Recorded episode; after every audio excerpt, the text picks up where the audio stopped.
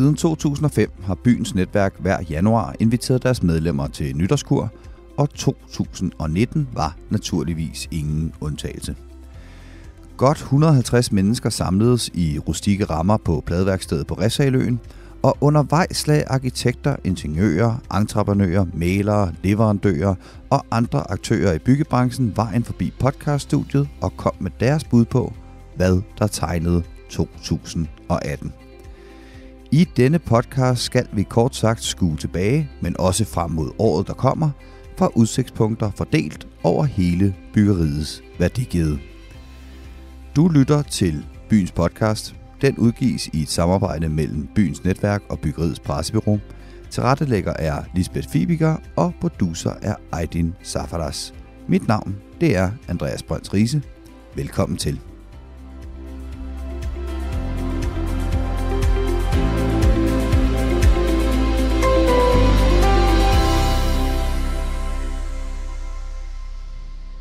Ja, så kan jeg byde velkommen til første mand her i podcasthulen, og det er Pia Nielsen, direktør i FSB. Velkommen til, Pia, og rigtig godt nytår. Tak, og tak i lige måde. Pia, hvis du skal pege på en dagsorden eller to, som fra din stol har været kendetegnende for byggeriet i 2018, hvad, øh, hvad er det så? Ja, man kan sige, at vi er både en øh, bygherre og en driftsherre, og øh, vi er almene. Det vil sige, at vi er underlagt også nogle øh, ret lidt strammere regler som bygherre, både i forhold til, hvad vi må bygge for, men også hvordan vi driver og udlejer. Og det er klart, der har været en enormt stærk dagsorden om, at, at man vil prøve at arbejde med det, som regeringen kalder parallelsamfund. De kalder det også hårde ghettoer og ghettoer og alt muligt andet, men altså det, vi kalder udsatte boligområder, og det er jo fordi vi også ser i byerne, at der er en, øh, en fortsat segregering, som det hedder, en opsplitning af byen mellem velfungerende og måske knap så velfungerende boligområder.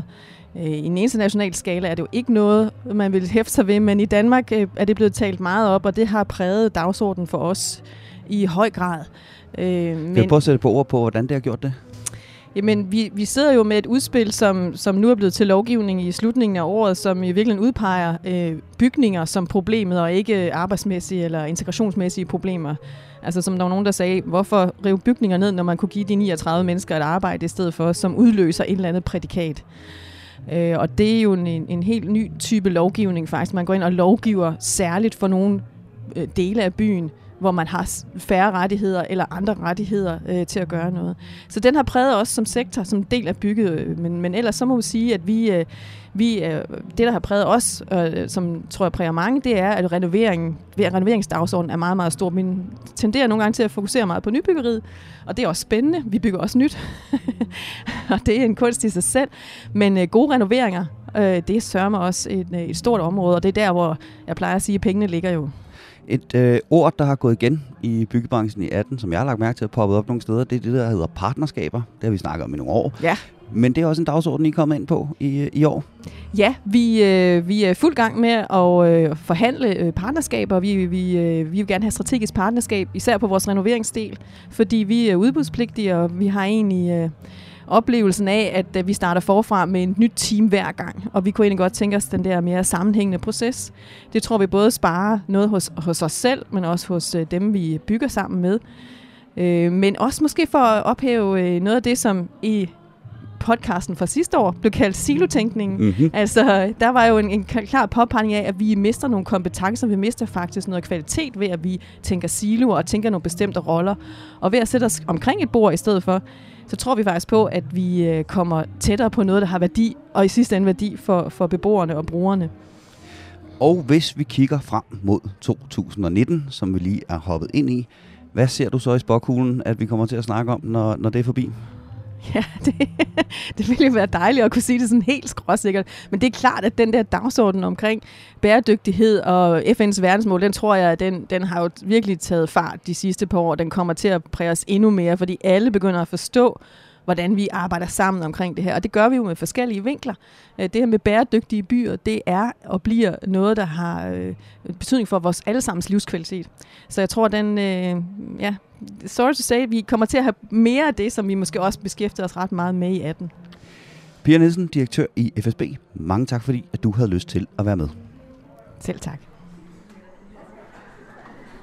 Det er det lige så kaotisk og styret, øh, som jeg havde forestillet mig. Det er en lille smule mere kaotisk. I fylder lidt mere, end jeg havde regnet med.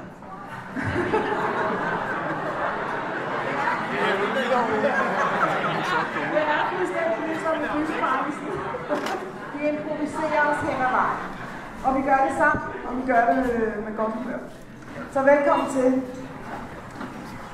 Velkommen til vores nytårskur 2019. Ja, så kan jeg byde velkommen til næste mand i podcaststudiet, og det er Ole Christian Botheim, CEO i Cubic Group. Velkommen til, Ole Christian. Tak for det. Ole Christian, hvis du skal kigge på 2018 i byggebranchen, hvilke tendenser springer så dig i øjnene som værende kendetegnende for byggebranchen i 2018? Eh, jeg skulle vilja si at uh, eh, någonting som uh, har uh, vært veldig tydelig i 2018 er konsolideringen i rådgiverbranchen. Det er at uh, store ingeniørsfirmaer køper opp arkitektfirmaer. En tydelig tendens. Uh, Rambøll køper uh, Sal og Vitras. KV køper Arkitema, Sveko har gått inn og, og fokusert på årstidene. Og som jeg ser dette, så er det et tegn på større fokus på samarbeidet. Eh, og eh, jeg tänker jo som så at eh, kommunikationen går jo alltid bedre inför familien. Eh, og eh, det er vel det som også er en tendens her, at projekt og processstyrningen blir eh, mer fokuserat Og som eh, jeg forventer også at byggherrene forventer at, eh, at det blir eh, bedre kommunikation mellan aktører og, og eh, mindre fel og mangler og sånn. Eh, Har det også noget at gøre med, at det går godt i byggebranchen, at vi ser de her fusioner? Er det nu, det gælder om at konsolidere sig? Eh, det, det kan være en tendens, men jeg vil også si det at eh, jeg kan jo reflektere over prosjekter som Panumtårnet eller Nils Bohr. Hadde de gått bedre om det var en sterkere eh, kobling mellom arkitekter og ingeniører, altså er i samme familie? Det vet vi jo ikke, men, men det kan også være en, en årsak til eh, at eh, bransjen krever bedre eh, kommunikasjon og, og samarbeid. Og hvis vi zoomer ind på øh, bygherrerådgivning, som jo er et øh, det felt, du er inden for nu, hvordan ser det så ud der, hvis vi zoomer ind lige nu her? Altså jeg, jeg vil si at eh, byggherrerådgivning eh, jeg, vil, jeg vil dra inn AB18-universet, som kommer tydelig inn her. Eh, både som vi har talt om tydelig i, i 2018, men også som kommer sterkt i 2019. Det er da vi må se hva det, hva, hvordan vi tolker det. Og jeg vil si at eh, under eh, eh når jeg har vært med og, og, og diskutert AB18-universet eh, gjennom Byggherreforeningen, så ser jeg også det at det er mye større fokus på ansvar. Og eh, fokus på at eh, vi presiserer kompetansen hos, eh, hos partene. Eh, og det kommer da i sin tur direkte eh, medføre at byggherrerådgivning kommer bli mye mer efterspurt for at byggherreorganisasjonene skal oppgradere sin kompetanse og være eh, mer innsatt i ansvar og, eh, og eh, krav som stilles fra andre parter.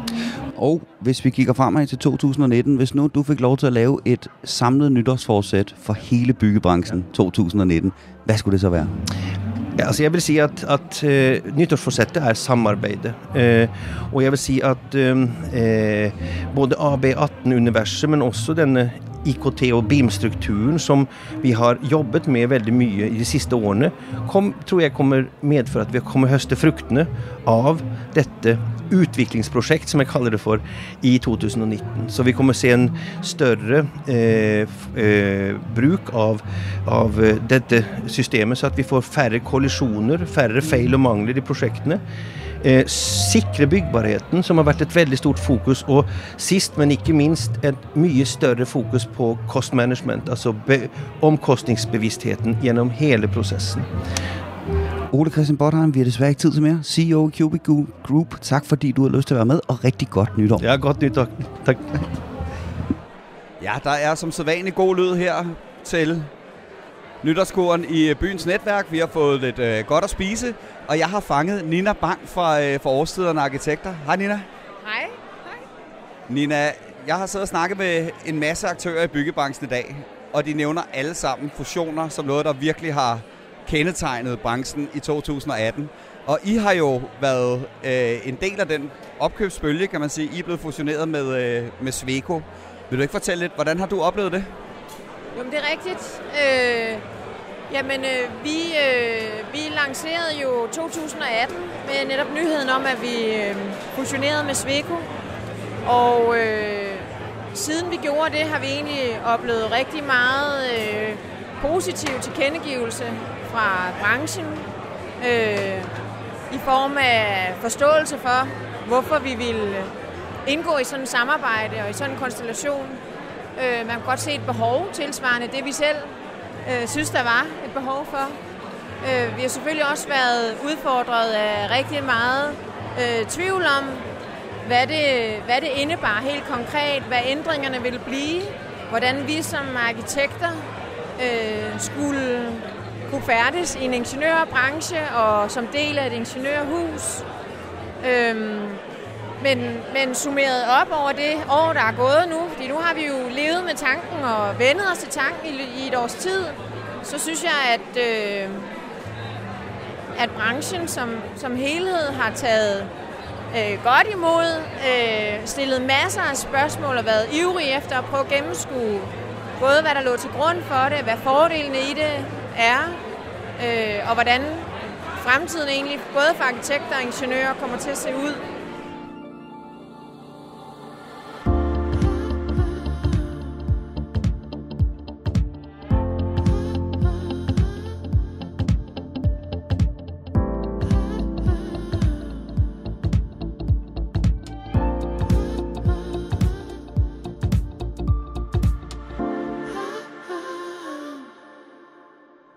Og så har jeg fået selskab af Maria Beyer Skødt, direktør for forretningsudvikling i Lenair Group. Maria, hvis du kigger tilbage på 2018 i byggebranchen, hvad er så det bedste, der er sket, og det værste, der er sket? Det, er, det har været et interessant år, fordi der har øh, nu øh, på, fuld, øh, på fuld drøn på øh, konsolideringerne, hvor vi først så Svego, der opkøbte øh, årstiderne, og nu her med covid, og har Arkitema.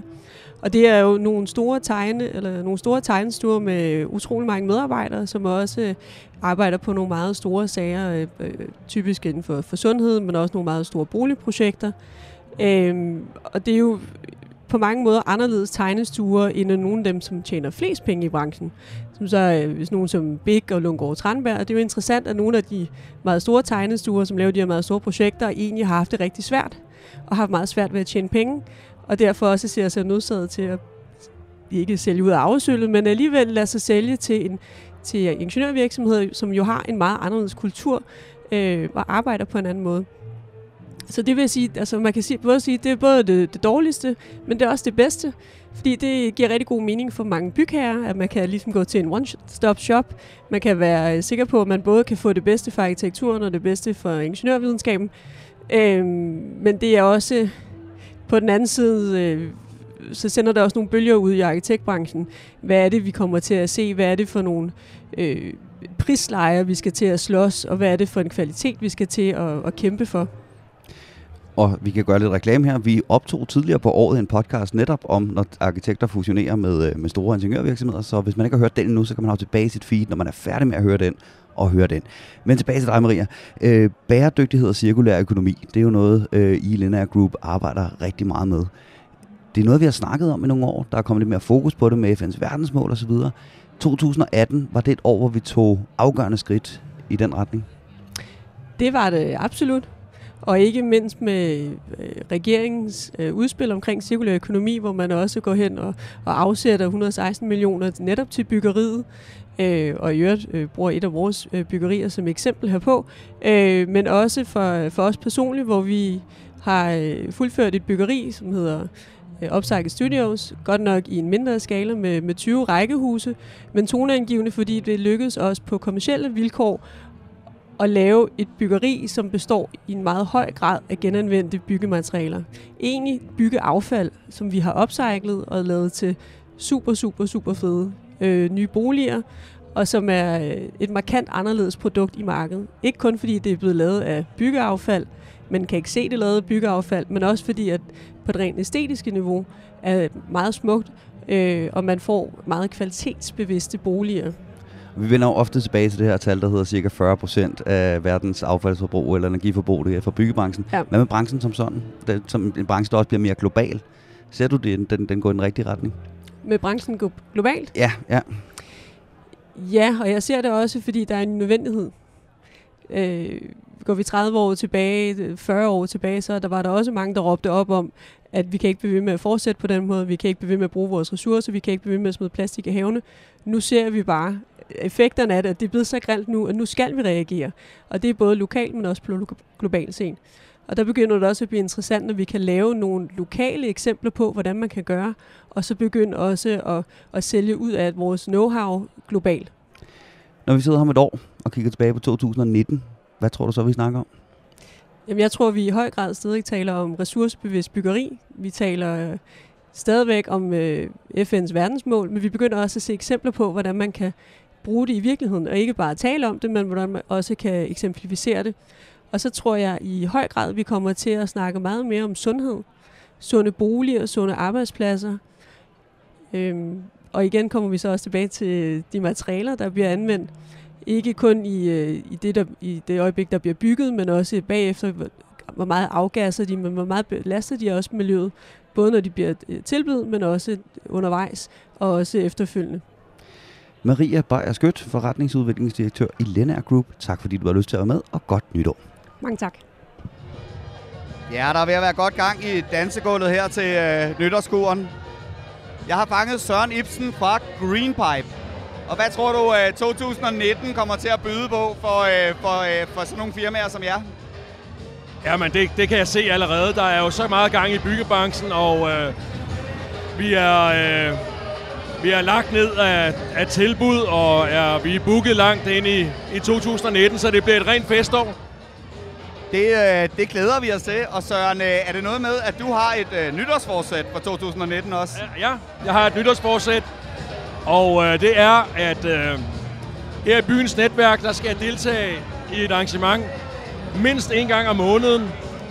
Og nu har jeg været medlem her i netværket en 3-4 år, og øh, jeg har ikke været så flittig til at, at komme, men jeg kan mærke, at, jeg, at øh, det kræver nogle flere besøg for at virkelig udnytte netværkets potentiale og alle de dejlige mennesker, der er her, og lære dem bedre at kende. Hvis nu du skulle lave et nytårs, samlet nytårsforsæt for byggebranchen også. Nu er det dig, der er byggebranchen, Søren. Det er mig, der er byggebranchen. Det er dig, der er byggebranchen. Hvad er nytårsforsættet for 2019 så? Så vil jeg sige, at uh, ser på uh, i 2019, der skal vi sætte uh, snuden i sporet og uh, sørge for at, at uh, lave vores ting ordentligt og med god kvalitet, til trods for, at det går så hurtigt. Ved du jeg synes begge nytårsforsætter lyder fuldstændig fremragende. Søren Ibsen fra Greenpipe, tusind tak, fordi jeg lige måtte forstyrre dig. Velbekomme. Så har jeg fået besøg af næste mand, og det er Balder Johansen, daglig leder i Logik og Co. Velkommen til, Balder. Tak skal du have. Balder, 2018 i byggebranchen, set for din stol. Hvad tegnede den? 2018 var, jeg synes jeg, det år med alle de spildte muligheder. Det år, hvor vi, øh, vi ikke brugte muligheden med opsvinget i byggebranchen til at få alle de mennesker i Danmark, som er uden for arbejdsmarkedet, ind på arbejdsmarkedet. Øh, vi råbte og skreg om, at vi skulle have arbejdskraft fra andre lande, og vi skulle alle mulige ting. Men vi har stadigvæk 800.000 mennesker i Danmark, der er uden for arbejdsmarkedet, og som er fuldt funktionsdygtige. Så øh, vi har virkelig misbrugt det opsving, vi havde til, at, at til en kæmpe chance. Så for mig synes jeg, at 18 minder mig virkelig om, øh, om altså lidt med ærgelse. Jeg kan selvfølgelig være glad for, at der er nok at lave. Jeg er glad for, at vi har nok at lave, og alle har nok at lave. Men jeg synes, at når man har nok at lave, skal vi også bruge chancen for at få dem med, der ikke har noget at lave, og som går og keder sig og misbruger deres liv på forkerte ting. Så det her sociale ansvar, som I jo gør en del ud af i, Ja, tak. i Logik og Co. Ja. Øh, det, det, det, det, du fokuserer på i byggebranchen, at vi havde så, så meget overskud, at vi burde have kunne fokusere mere på den. Præcis, og byggebranchen er super genial til at introducere folk til, til et arbejdsliv. Vi er skide gode, vi kan bruge rigtig mange hænder, også ufaglærte hænder, men vi kan også bruge det til at uddanne folk og gøre folk øh, gode til fremtiden. Og det ærger mig, at vi har misbrugt det, og vi ikke brugt chancen. Men samtidig vil jeg også sige sådan, samtidig var det jo også det år, hvor det kom til diskussion, kan man sige. Så man kan sige, om ikke andet har vi da fået diskussionen ud af det. Men når man sidder sådan med hænderne helt nede i, i dagligdagen og bare ærger sig over, at hey, Hvorfor var det lige, vi ikke lige tog det ekstra skridt, i stedet for bare at sælge os selv til vikarbyråer derudad? Hvorfor tror du det er, Balder? Er det noget med, at man godt ved i byggebranchen, at når det går godt, så gælder det virkelig om os, så man får sat nogle penge på kontoen? Jamen, problemet er, at byggebranchen har jo det kæmpe store problem, at vi er jo også en øh, røverbranche. Og det vil sige, at hver gang der er opsving, så kommer der en hel masse folk, som ikke har en skid med byggeri at gøre, ikke har en skid med social ansvarlighed, ikke har noget med bæredygtighed. De bruger en masse buzzwords, og så skynder de sig bare ind og malke den ko, der nu engang står klar til at blive malket. I stedet for ligesom at, at, at malke den fornuftigt og sige, at vi tager de mælk, vi skal bruge, og så sørger vi for at dele det mælk, der er. Så kommer der en hel masse forbrydere, undskyld, jeg kalder dem, men det er de i min optik, kommer ind i markedet og, og er der, agerer, ender med at gå konkurs og vælte ud igen. Det ser vi hver gang, der er opsving. Men jeg tænker, alle os, som ikke er der sådan, os der er permanente øh, til stede i byggebranchen, vi har også et ansvar, fordi vi kan også gå ind og sige, nu fokuserer vi på at få mere gang i det. Der vil jeg så sige, der er jeg glad for at se mange af de store entreprenører og de mellemstore entreprenører alligevel gå ind og tage lidt ansvar og sige, nu vil vi gerne noget mere. Men billedet bliver så mudret, og i forhold til den samlede mængde, der er blevet købt byggeopgaver for i 2018, er der ikke særlig meget af det. Det er promiller, der er blevet brugt til at hjælpe resten af Danmark. Så vi har ikke været en fordel for Danmark, vi er bare i gang med at malke koen. Nu pusser vi champagneglas efter nytårsaften. Bagefter så kan vi pusse bokhulen. Og hvad Ja. ser du i den? Hvad siger så, du? Bagefter kan vi pusse bokhulen. Hvad ser du den for jeg 2019? Synes, jeg synes, det er svært. Jeg synes, der er nogle gode tegn inden for for eksempel bæredygtighed, som jo også er en af de ting, vi virkelig går meget op i. Der synes jeg, at jeg ser nogle ting, at, at der er nogle ting, der flytter sig fra bare at være noget oppustet luftballoner inden for bæredygtighed. Der kommer der mere og mere med, øh, med upcycling og recycling. Der kommer flere og flere reelle bæredygtige øh, produkter på markedet. Samtidig er der også stadigvæk en masse gejl og fis, du ved. Sådan er det jo altid. Men, men, det er, men, men, men det, det, der ser jeg ligesom lidt en chance for, at det kan blive til noget. Jeg ser også en mulighed i, at øh, det er gået op for folk, at vi har brug for øh, elever i branchen, vi har brug for at uddanne folk i branchen, og vi har brug for nogle, nogle, noget, noget opkvalificering af hele vores branche, hvis vi skal klare os i konkurrencen. Og der ser, synes jeg, at jeg kan se, at der, der er nogle ting, der svinger. Men jeg er bange for, uden at være for pessimistisk, at 19 bliver ligesom 18. De forspildte chancer så. Og jeg tror også, jeg ved jo ikke, alle ved jo, at det her det er jo en, det er en bølge, vi er på. Der er ikke nogen, der skal komme og bilde mig ind, at det her det er en permanent tilstand, vi er i. Øh, hvornår, hvornår, det ikke, hvornår bølgen begynder at gå nedad igen, og vi begynder at ærge os over, at vi ikke brugt mulighederne, det kommer også. Men lad os håbe, øh, hvad hedder det, lad os håbe, at det sådan generelt kommer en tendens i Danmark, der siger, hey, vi, lad os udnytte de opsving, vi har til at få alle med. Lad os sige, at det kunne være øh, nytårsforsættet for byggebranchen i 2019. Det kunne være et smukt. Walter Johansen, daglig leder i Logik og Co. Tak fordi du har lyst til at være med, og godt nytår. I lige måde. Godt nytår.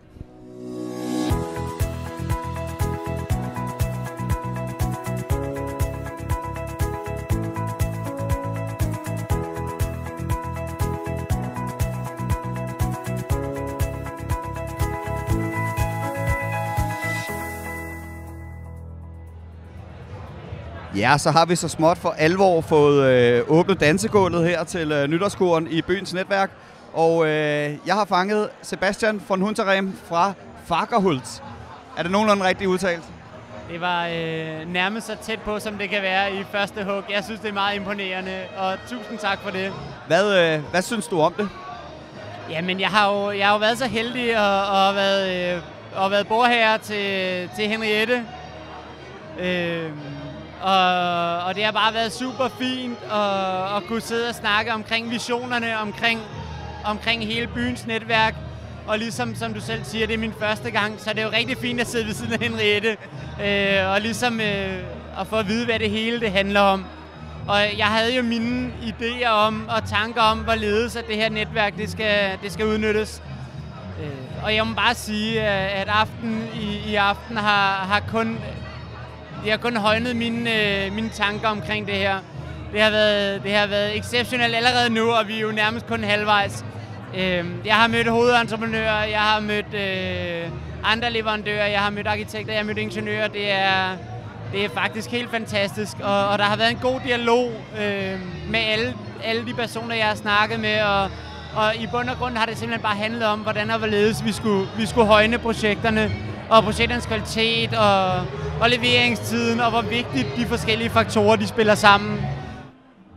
Ja, så kan jeg byde velkommen til næste mand, og det er Vagn Risby Mortensen, Associate Director i Thornton Tomasetti Group. Velkommen til Vagn. Tak for det.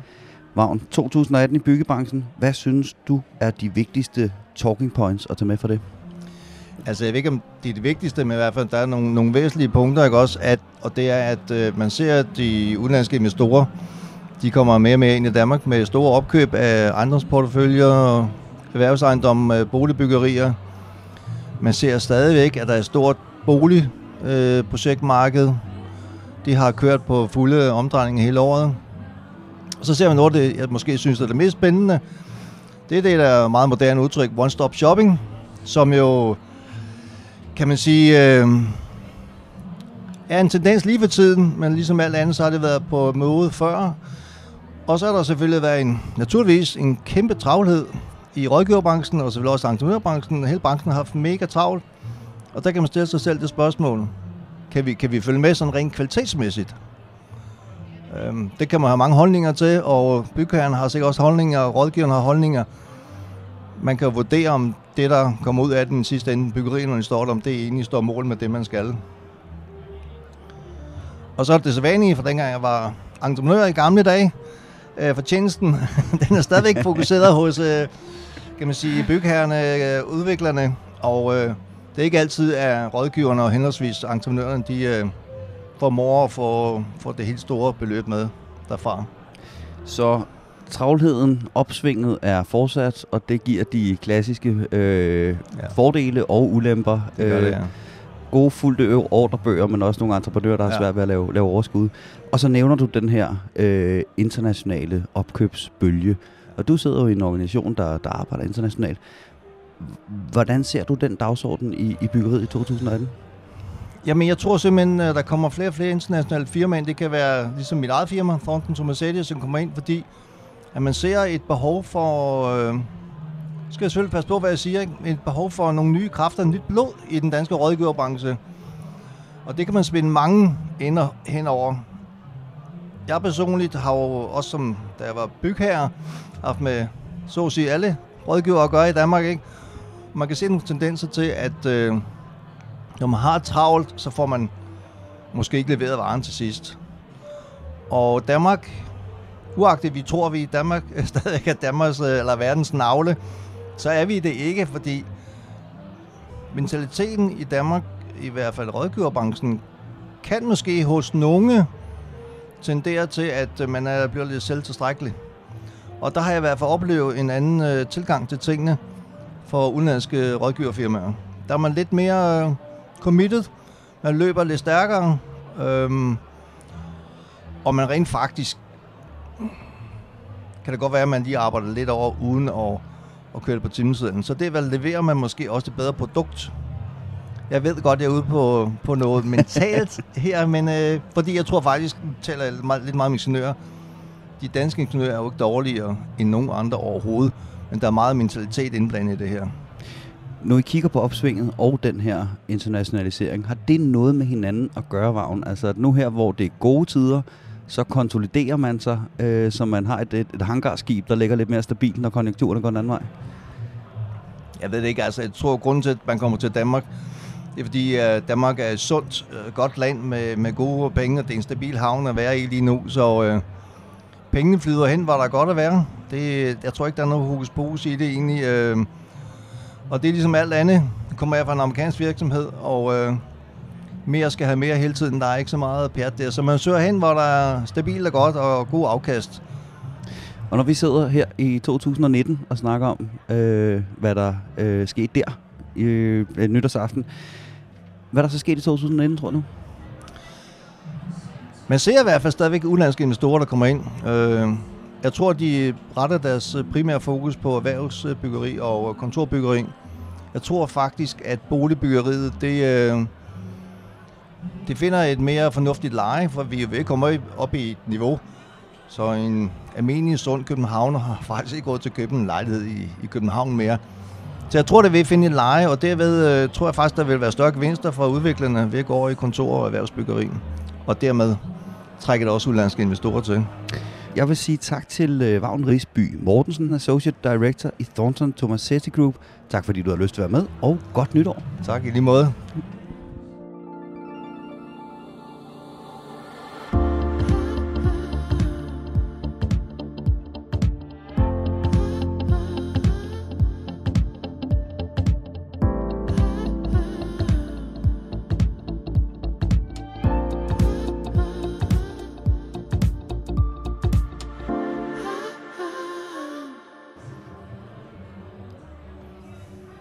Så hopper vi videre over i erhvervsmalerbranchen med Jette Lundsgaard, som er erhvervsmaler og indehaver af Lundsgaard Erhverv. Velkommen til, Jette. Tak for det. Jette, 2018 i erhvervsmalerbranchen. Hvad var det for et år? Jamen, det har jo været rigtig godt. Men det kunne jo næppe fortsætte. 2018 har været præget af stagnation og konsolidering. Øh, transaktionsvolumen og aktiviteten er faldet, øh, og ikke fortsat med samme stigningstakt, som det har gjort hidtil. Øh, priserne er godt nok steget, men der er færre investorer, der har været villige til at matche sælgers forventninger. Så nogle har takket nej, og nogle porteføljer er trukket ud af markedet, fordi man ikke har kunne opnå de priser, sælger gerne vil have. Man kunne eksempelvis nævne øh, Rødovre Centrum, eller Centeret, øh, der trak familien øh, salget tilbage, fordi de ikke kunne opnå prisen. Jeg tænker, at øh, priserne er toppet. Jeg har primært med salg af boliglejningsejendomme at gøre. Og vi ramte muren her i 18, hvor vi så priser mellem 30 og 35.000 per etagemeter for boliglejningsejendomme. Jeg kan huske, at i 2012 havde jeg en super ejendom til salg, bolig og erhverv på Frederiksberg. Der ramte vi 20.000 meter, den kunne ikke handles. Så bare på 6 år er vi altså rykket fra små 20.000 meter til over 30.000 meter, når vi taler boliglejningsejendom. Og hvorfor tror du, at det er, vi ser den udvikling lige i 2018? Rentefald. En kæmpe likviditet, fordi der er meget få eller ingen alternative investeringsmuligheder, der er så sikre som boligejendom, eksempelvis i, i Danmark. Det er det, der er årsagen. Og her går jeg ud fra, at Danmark ikke er en ø. Der er vel også nogle øh, internationale øh, strømninger, som vi er en del af. Absolut. Altså, vi har jo rigtig mange udenlandske investorer. Øh, og, og det er jo fordi, det er et sikkert land at investere i. Der er styr på det hele. Øh, og så har vi en god realkreditmodel, øh, som gør det trygt, at man kan få fast rente eller variabel rente osv. osv. Det findes ikke ret mange steder, hvis det findes andre lande, det ved jeg faktisk ikke. Øh, så det er attraktivt at investere i København og andre store byer for de udenlandske. Og det er også dem, der har været en af årsagerne til, at priserne er steget, fordi de er kommet ind fra højre og givet nogle væsentligt højere priser end nogle af de øh, sædvanlige danske aktører. Og når vi sidder her om et år, 2019, ja. hvad tror du så, vi kan se tilbage på for et år? Er det noget, der bliver meget anderledes end 2018? Eller, øh, eller bliver det en fortsættelse af samme tendenser, som vi har set i, i år? Jeg tænker, at 2019 bliver et lidt udfordrende år. Øh, man ser tendens til en sværere økonomisk vækst, og en, måske en stigende rente i 19, måske senere. Det er svært at spå. Nogle siger, at det sker i 19, måske senere. Men generelt kan jeg i hvert fald allerede nu mærke, at der er en ændret stemning generelt blandt investorerne. Ikke at de trækker sig, men de tænker måske næste gang. Vi kan også mærke, at realkredit eller bankerne øh, øh, måske trækker lidt i en anden retning. Der har været mange projektsalg eller sager, og der bliver en stramning der. Brugerne øh, falder også lidt fra. De trækker måske uden bys eller uden for København i periferien. Der er mange ting, der gør. Der er også Brexit, og der er uro rundt omkring. Jeg tror, der sker nogle ting. Ikke at priserne på de prime beliggenheder falder væsentligt, men, men der sker lidt uro. Det lyder som om, vi kommer til at leve i interessante sider, som man siger i Kina. Absolut. Jette Lundsgaard, erhvervsmaler og indehaver af Lundsgaard Erhverv. Tak fordi du har lyst til at være med, og rigtig godt nytår. Tak, og i lige måde. Tak. Sidste ord i denne udgave af Byens podcast går til formand for Byens netværk, Henriette Kajar. I sin tale til forsamlingen understregede hun, at byggebranchen går et spændende år i møde, især hvis man forstår at skabe værdi, både for hinanden og slutbrugerne, ved at samarbejde. Så hvordan kan vi, altså sidder her. Hvordan kan vi i byens netværk være med til at skabe værdi i projekterne? Hvordan kan vi hjælpe med at få arbejdsglæden tilbage hos alle? Jeg tror, at vi her i vores unikke netværk, hvor vi mødes og ser på bygninger, vi hver især har været med til at bygge, hvor vi debatterer nye trends og udfordringer, hvor vi rejser ud i verden sammen, fester sammen, ja her har vi alle muligheden for at gøre en forskel. Hvad skal vi sammen i 2019? Vi skal mødes over de mange arrangementer, der allerede er i kalenderen eller i støbeformen. Og her skal vi skabe relationer på tværs af baggrænser. Vi skal lære hinanden. Vi skal tale sammen, og vi skal respektere hinanden. Skal stole på hinanden, og vi skal skabe plads til hinanden. Vi skal arbejde med fokus på den gode arbejdsplads, den gode proces og det gode projekt. Det vi alle kan være stolte af.